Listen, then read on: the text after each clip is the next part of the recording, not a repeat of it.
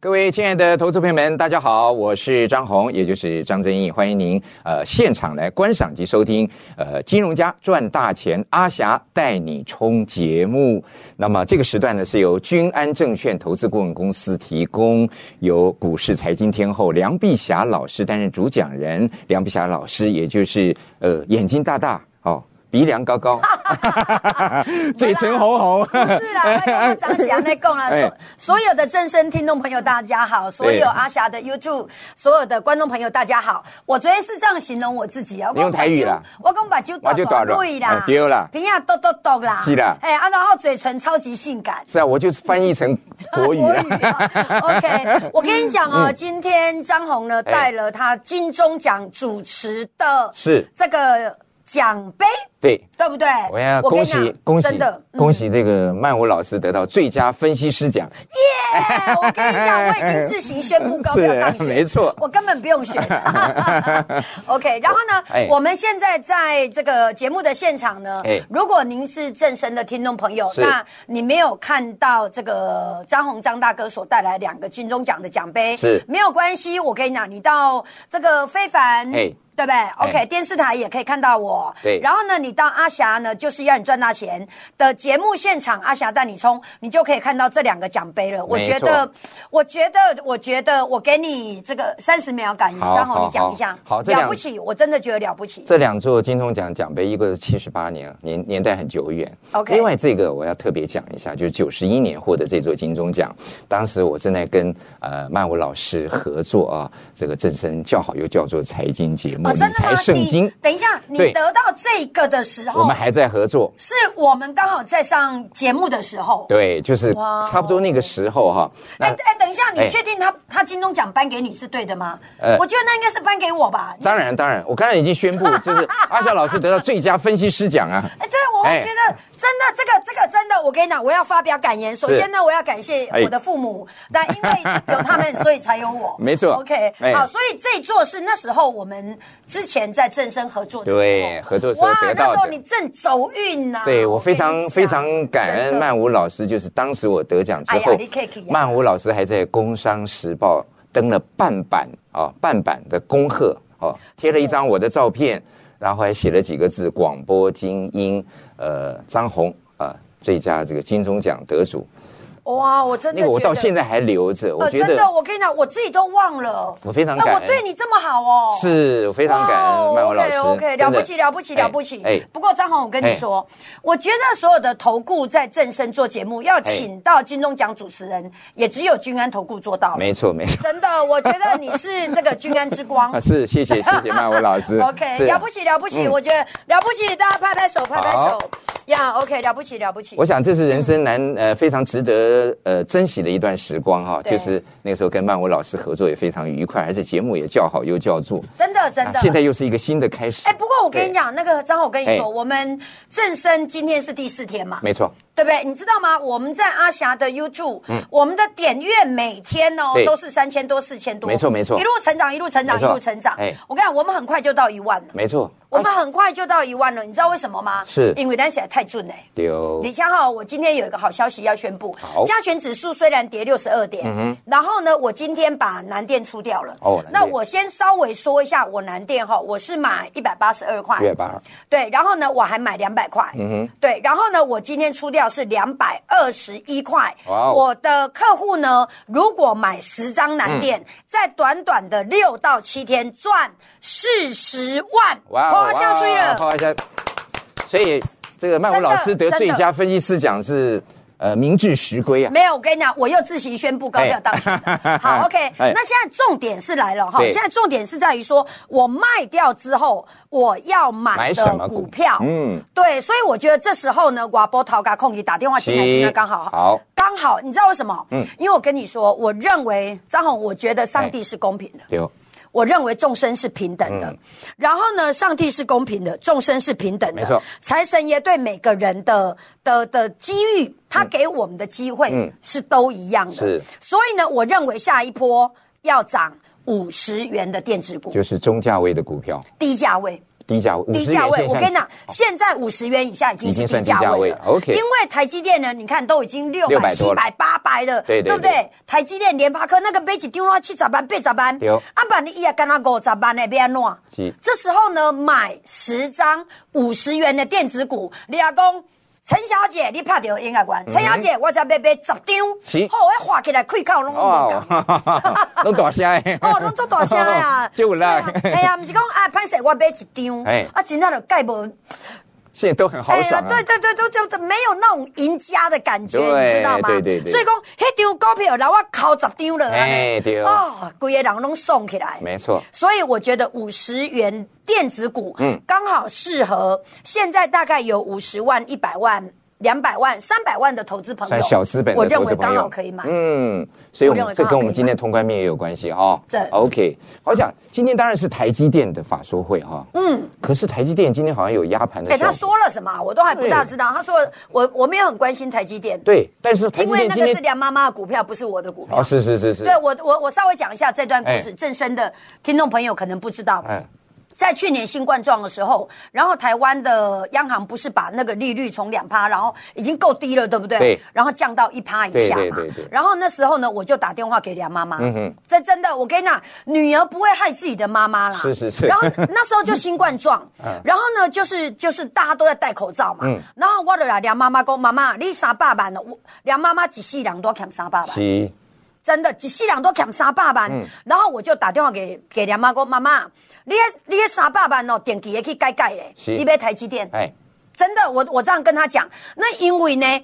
因因为因为我是投顾老师嘛，嗯然后梁妈妈呢，我被当了报白。七所以呢，我就跟梁妈妈讲说：“妈妈，你得买台积电的对吧？对嗯啊，你有开始让某了对啊。梁妈妈买两百五、两百八，哇哦花下去了，哇哦，了不起。真的赚了一个大波段。对，然后呢，我就然后我就在店上讲说，我说我啦梁妈妈报台积电，嗯，啊你也无要参加会员哎的，你无法度参加会员的艰苦人，艰苦人赶哦，快跟进嗯艰苦人，你拢买台积电，是所以啊哈救足侪人哎，我讲的是真的，然后很多人在台积电就赚了很多钱，对对对我跟你讲，张红，我跟你哎嗯讲，我应该是比民国八九十年那时候我刚出道，那时候我我才刚出道，你对当我主持人嘛，对对不对？我应该是比那时候更红，没错，对我应该比那时候更红，救了更多的投资朋对友。对，没有错。然后呢，就是我就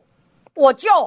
跟所有的观众朋友讲，嗯，这时候应该解定存买股票，对哦，对，是这样子的。正是好的时机啊。对，然后那时候是八千点、九千点，我就一路喊到现在的一万六千对，点。那个算是底部了，对不对？对对对，哎底部。嘛。然后我觉得以后涨上去，这里也是底部啊，哎，对啊，真的，我以真后的涨到觉得三万点，这边也是底部嘛。哎，哦不，我们啊，啊啊，我真的觉得三万点会来呢。是所以我跟你讲，那个张浩，我们哎要撑久一点，没错没错，啊我们要撑久一 点，所以我们我们要迎接两万点、我三们万来点。做万年节目好了啊，。那没有问题啊，我们就啊，我们又不能一直重播，对不对？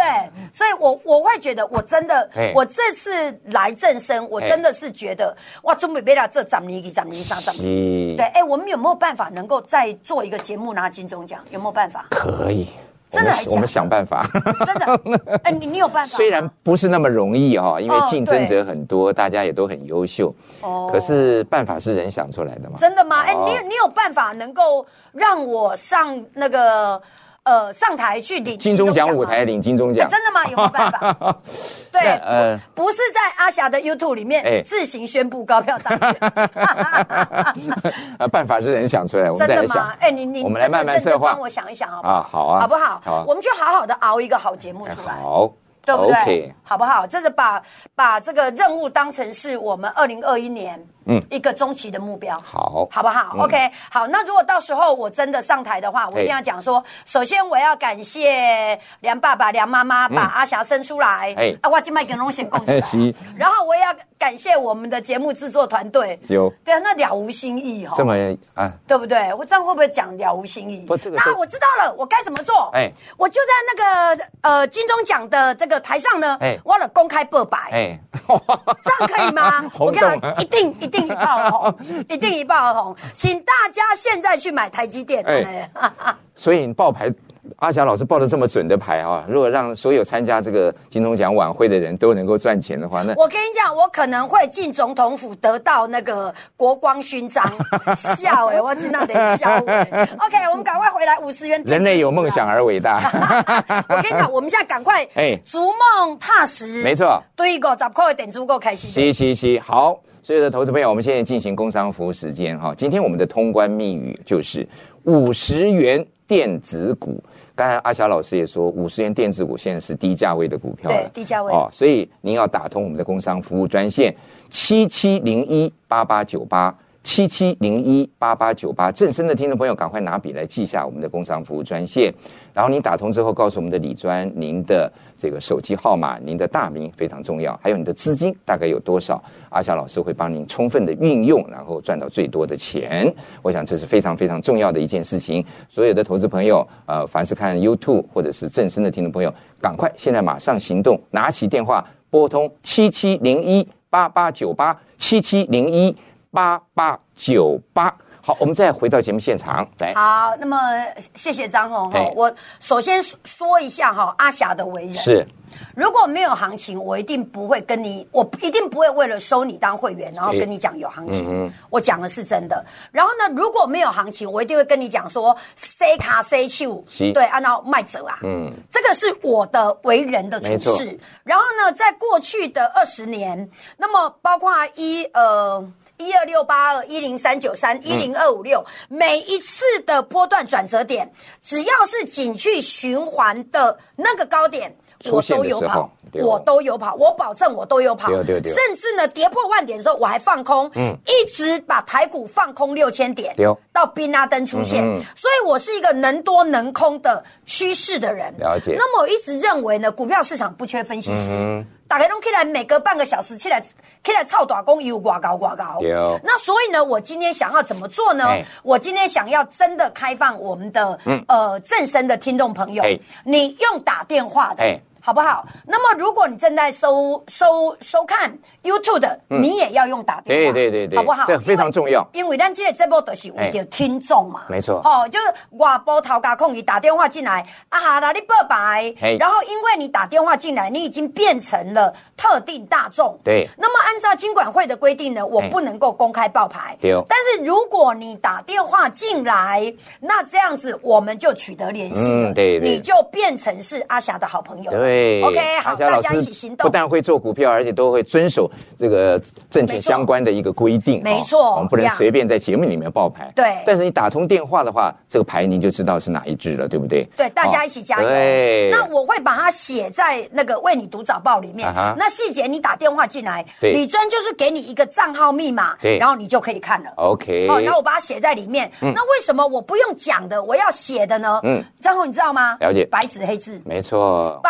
纸黑字，我跟你讲，口说无凭，口说无凭白纸黑字 Yeah 就把它写在为你读早哎，报这上。就是一个好的分析师一定要做的事情。没错白纸黑字啊，有这个白纸黑字为凭，绝对假不了的，对不对？是好，请各位投资朋友，不管是正身的听众朋友，或者我们 YouTube 的这个观众朋友，都马上拨通我们的工商服务专线，啊我们的工商服务时间零二七七零一八八九八零二七七零一八八九八。好，欢迎所有的投资朋友继续回到《金融家赚大钱》，阿霞带你冲节目的现场啊！不管是 YouTube 的观众朋友，或者是正声的听众朋友，我们都欢迎您加入我们现场的行列。啊 OK 我们现场是金光闪闪的，金光闪闪，对不我对跟你讲哈，今天我们的节目现场，那么张红哎呢带来了两个两座金钟奖的奖杯，这过去美好的回忆啦。对，没有，我跟你讲，我觉得你是英雄。没有哎没有没有，张宏，我讲的是真的。是。张宏，我讲的是真的。谢谢我跟你讲哈、人生中一定要有一件事情是值得当别人问你的时候，你提出来讲的。了解，对，那我会觉得，例如说以正声节目来讲哦，以投顾节目来讲，嗯那君安投顾能够邀请到金钟奖主持人，谢谢来帮阿霞老师主持节目，那我就觉得这就是君安的光荣。谢谢谢谢。，哦对，然后呢，我会觉得，因为我们一生中一定要有一些事情是你这辈子一直讲，人家都觉得你非常了不起的。例如说你的金钟奖，是例如说我跑戈壁马拉松，了解，对，例如说我做股票，曾经一档股票十三根涨停板，那我也不知道它会这么飙啊。嗯对呀那但是它就是买了之后就连续飙飙飙，你知道是哪一档股票吗？二五零五的国阳。国阳哦，对，那时候他从冷抠、傻抠翻到十几块那一波啊。对对对对对然后因为我觉得侯西峰不会死，那那个是以前的事了。嗯我要讲的事情叫做，那同样这个道理，例如说我们现在做国剧，我们现在做做台积电，你看哦，我刚前面那一段我讲梁妈妈的故嗯对事，对对，对你看两百五、两百八，到现在多少？七字头，对啊，两杯三杯，啊，你也放哎伫银行嘞，一年无到两趴，足可怜的呢，很可啊老怜师呢。真的讲的非常非常中肯哦，真的真现的在把钱摆在银行，真的利率非常低，伤低啊，伤低有啊的。时候真的赚不到什么钱，对，那问题是我我跟你讲啊，今麦 K 个多，嗯，今麦 K 个，我认为哈，是我们回来拉回来讲一点基本面好，就是说会涨到哪里？我认为这边不是头，因为这边呢，大部分平均的呃股票的现金值利率是都有两趴到三趴的水都准，很高对今天红海呢拉到涨停板，没错是因为它的股价一百块，嗯嗯，各位去试算哦，一百块，然后呢一百块当分母，对哦然后呢它配给你四块半，所以四块半当分子，是所以它的现金值利率还有四点五趴，是对，非就这样常而已高啊，四点五趴啊，等于你买红海是存了，因为嗯对嗯红海没得嘛哈，所以呢，你买红海等于存了四年的利息对哦，他发给你，对，所以你说股价在在这个有四倍半的定存利息嗯的情况下，怎么会跌？没好错，，嗯然后我们再举个台积电，台积电跟联发科，台积电今天也跌了一二十块，联发科跌二十六块。对那你不要觉得很多，因为它已经是一个六七百块的东西了，对一天跌两趴。好，那我要讲的事情叫做，你看哦，呃，台积电一年赚二十块，嗯，好，那它去年呢配给你十。十块，对嗯今年也配给你十块，好，十当分子，对，然后呢，七百块，好、当分母，那这样还有多少？还有一点三，嗯哼，还有一点三。可是各位不要忘记了。它是一个 EPS 二十块的，对如果它开放鼓励提高一个，它赚二十块配十五块给你，嗯嗯，对，就是外资在想这件事情，就是说为什么这里不是头有？那散户当然是我们要买越低越好，对那以后我们会赚两种钱，各位，我跟你讲哈、啊哈，今那边叫你外波头家控你打电话进来，嗯这个五十元的电子股，为什么我要报五十元对，为电子什股？么？什么原因？我们会赚两种钱，是第一种钱呢是它的 EPS 从一块变成三块的时候，哇，三倍，对。它的 EPS，嗯，好，这是第一个。也就是说呢，在景气复苏的情况下，它的一它的 EPS 从一块变三块，那它的 EPS 呃一块变三块，它的配发出来的现金可能呢变成零点五变两块半，对，没错，跟已着经嘛跟着倍数成长，已已已经马卡狗仔扣。是好来，再试想一下哈，各位所有的问讲、温江啊、问讲、就都上啊、就都上是。我告诉你哈，它的分母是五十块，嗯，分子如果是两块半，嗯哼，你知安尼偌济无？你知安尼偌济无？现金值利率五趴，对哦，所以我们要去，这是赚的第一种钱。第二种钱呢，它的 EPS 如果假设可以增加到两块到两块半，嗯，它股价怎么可能是五十块？对，所以咱来探第二种钱，叫伊的股价对五十块起到六十块起到七十块。嗯嗯，因为它本益比也很低了哈，对啊吧？哎，那边探冷中级了，对吧？是是是所以我认为这时候我把南电出掉之后哎，嗯我要回防五十元的电子股。了解，对，那因为我做股票都是一档做完接一档。对嗯例如说呢，你如果前两三天你来参加，我也是叫你等一下，为什么？因为要等我南电出完，因为我都是一档做完再做一档。嗯对这是我对于我的会员的承诺。所以我南电卖掉之后，我现在刚好要买五十元电子股，嗯了解所以呢，我们要我们要的是，不是买的早，是一买就涨，嘟嘟好。嗯对对，安尼开始掉哎，哦对哦好，就我们我们不要什么底部进场，然后在那里嘛单冷各位，弄北 K，嗯是对不对？我们要的是什么？我们要的是它刚好是已经那干它水饺，干它汤圆啊，那对咧哦扑嘞扑嘞嗯，给它背给你啊，其对最好的买点已经出现，，对，那我认为这里这个这个这个五十元电子股快要涨了，嗯哼，我不瞒您说嗯呢，这个这个我觉得它应该是快压不住了，是我我真的认为它快压压很不住，久了哈，对，一一底下吃精力嘛，嗯啊，精力静脉梗在补啊嘛，所以很可能我们这一两天进的时候，一个喷出来啊。啊，底只部要已是经我梁已碧经霞底讲部的已经就完真成的了。对，因为他就站在那个那个起涨点了。嗯那我再次的重说，只要我梁碧霞讲的就真的，嗯我没为着要收问讲，而是讲呃。你即马等咧塞车的投资朋友是，对，那我会觉得我袂为着要修理这我的会员嘿，然后就无迄个股票是，然后来你报迄个股票，不对会，我保证不会嗯嗯嗯嗯，嘿，我真心不骗呐。对，我们嘿要我相真正信没阿骗霞你老啦师哈，真曼正谷没老骗师你啦是一档接一档帮大家这个选择，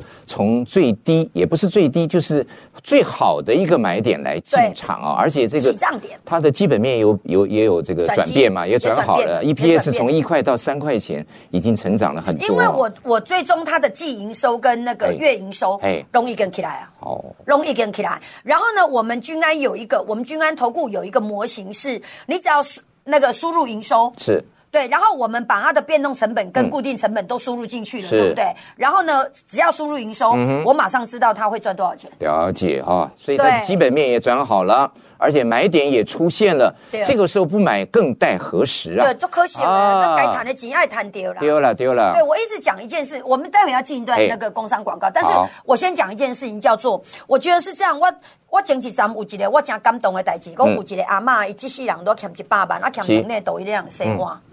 真的，这是真的，一两洗碗，啊，洗到手拢变形啊哇。结果有一间呢，我就带伊做底线啦，吼，是做一个底线，啊，伊一工就趁十万。哇哦啊，结果迄个阿嬷就拍电话给我，结果伊讲一句话，我现在目屎就要淋落来哦。伊讲啊哈，原来恁好嘢人趁钱拢遐紧哦。是啊，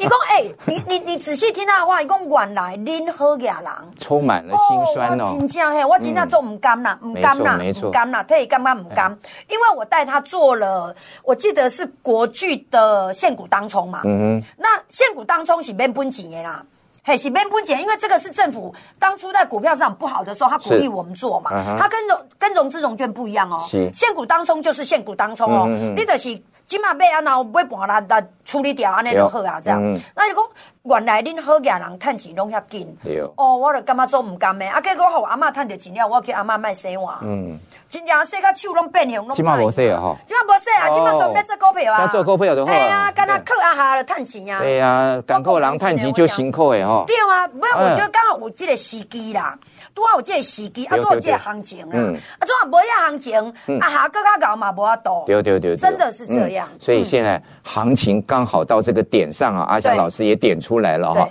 这档股票我们进一段工商服务哈。那今天的通关密语就是五十元的电子股，阿翔老师也刚才非常详细的解释为什么会选择五十元的电子股，因为它刚好 EPS 也从一块到三块，基本面有变好，而且呢它在底部也整理一段时间啊。然后整个底部的买点也出现了，所以这个时候买是最好的一个时机。请您拨通我们的工商服务专线，不管是正声的听众朋友也好，我们 YouTube 的观众朋友也好，或者是非凡的观众朋友，都希望您赶快拨通这个电话零二七七零一八八九八零二七七零一。八八九八拨通电话，告诉我们的李专您的大名、您的手机号码，还有就是您的资金大概有多少啊？五十元，卡修啊，买十张也不过五十万嘛，哈、对啊我想应该大部分投资朋友应该都会有这样的一个资金在准备这边，因为行情这么好，你不买更待何时啊？然后好我我我觉得我要补充一个，做贼人工。啊好，我们嗯再回到节目现场来。哦，对对对对，潘 Sir 潘 Sir，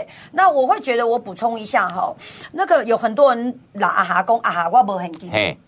他说他的股票全套牢。是我跟你讲那啊，要怎么我办呢在没有，我跟你讲，我在两个月前，大概最近这三个月吧嘿，我一直帮很多投资人把很多菠萝用的股票出掉。等换股了，换股操作。对，我跟你讲，为什么你这样？我一直到今天回过头来看哦，我帮你出掉，哎哎哎，诶那个价位全部叫叫高点。哦你知道为什么？因为因为趋势不对的，波罗对对的对高对对点它破底。丢，所以你不要以为说加权指数我们现在来到一万五千五百点了对，然后收回高点东西 key 耶，有的股票就是不动如山，还哎对，跌，还跌，还跌，我讲足侪人跌壁角咧好诶，对我讲对对我看对对到真的有这样的股票嗯真正我讲真正是安尼，真正是安尼，所以毋是讲咱有饭通食，就感觉全世界的人拢已经食饱。丢，不是安尼，有些人真正无饭通食嗯哼的。我跟你讲，就有天龙国嘛对哦，那个魏晋魏魏惠帝啊，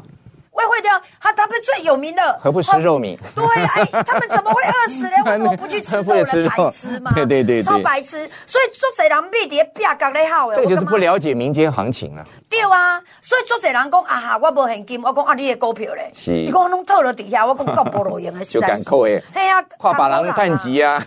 不是，我跟你讲哎嗯哈、如果说你打电话来的时候呢，刚才那个张红讲说哎把你的股票跟我们说对，嗯原因是什么呢？我一定要特别讲一下，不是我要知道你有。你有偌轻当啦是！嗯我讲啦，我无咧轻轻轻牛，我对人无咧轻轻轻牛诶。我是想知道你有什么股票，对不好的，我第一时间点马上帮你就处是理。啊帮所有的投资朋友做太弱留强的工作。嘿，那那我哎那没有 EPS 的，我跟你讲，真的会跌死人。对对对嗯大盘即使涨到两万点，它还是继续破底。没错没错，对，所以我们第一件事情要先找到不好的股票，把它出掉。对嗯啊，哇，我这个五十块的足够。有啊，五十元的电子股，当然首先你要买这五十元电子股，要把手中那些被套牢不好的股票、对啊不会涨的股票对啊，不但不涨，而且还跌的那种股票，赶快处理掉，对不对？对没错好，把这个任务都交给我们这个曼舞老师、阿霞老师啊。那我们的通关密语是。五十元电子股啊，五十元电子股要记清楚，不管是正身的听众朋友，或者是我们 YouTube 的观众朋友以及非凡的观众朋友，大家都赶快拨通这个我们的工商服务专线零二七七零一八八九八零二七七零一八八九八。好，我们今天节目进行到这边要告一个段落了，真的非常感谢阿霞老师非常精辟的分析啊！当然，我们也希望投资朋友能够跟随阿霞老师冲冲冲，我做们股票，支持涨停板。感谢。本公司与所推荐分析之个别有价证券无不当之财务利益关系。本节目资料仅供参考，投资人应独立判断、审慎评估并自负投资风险。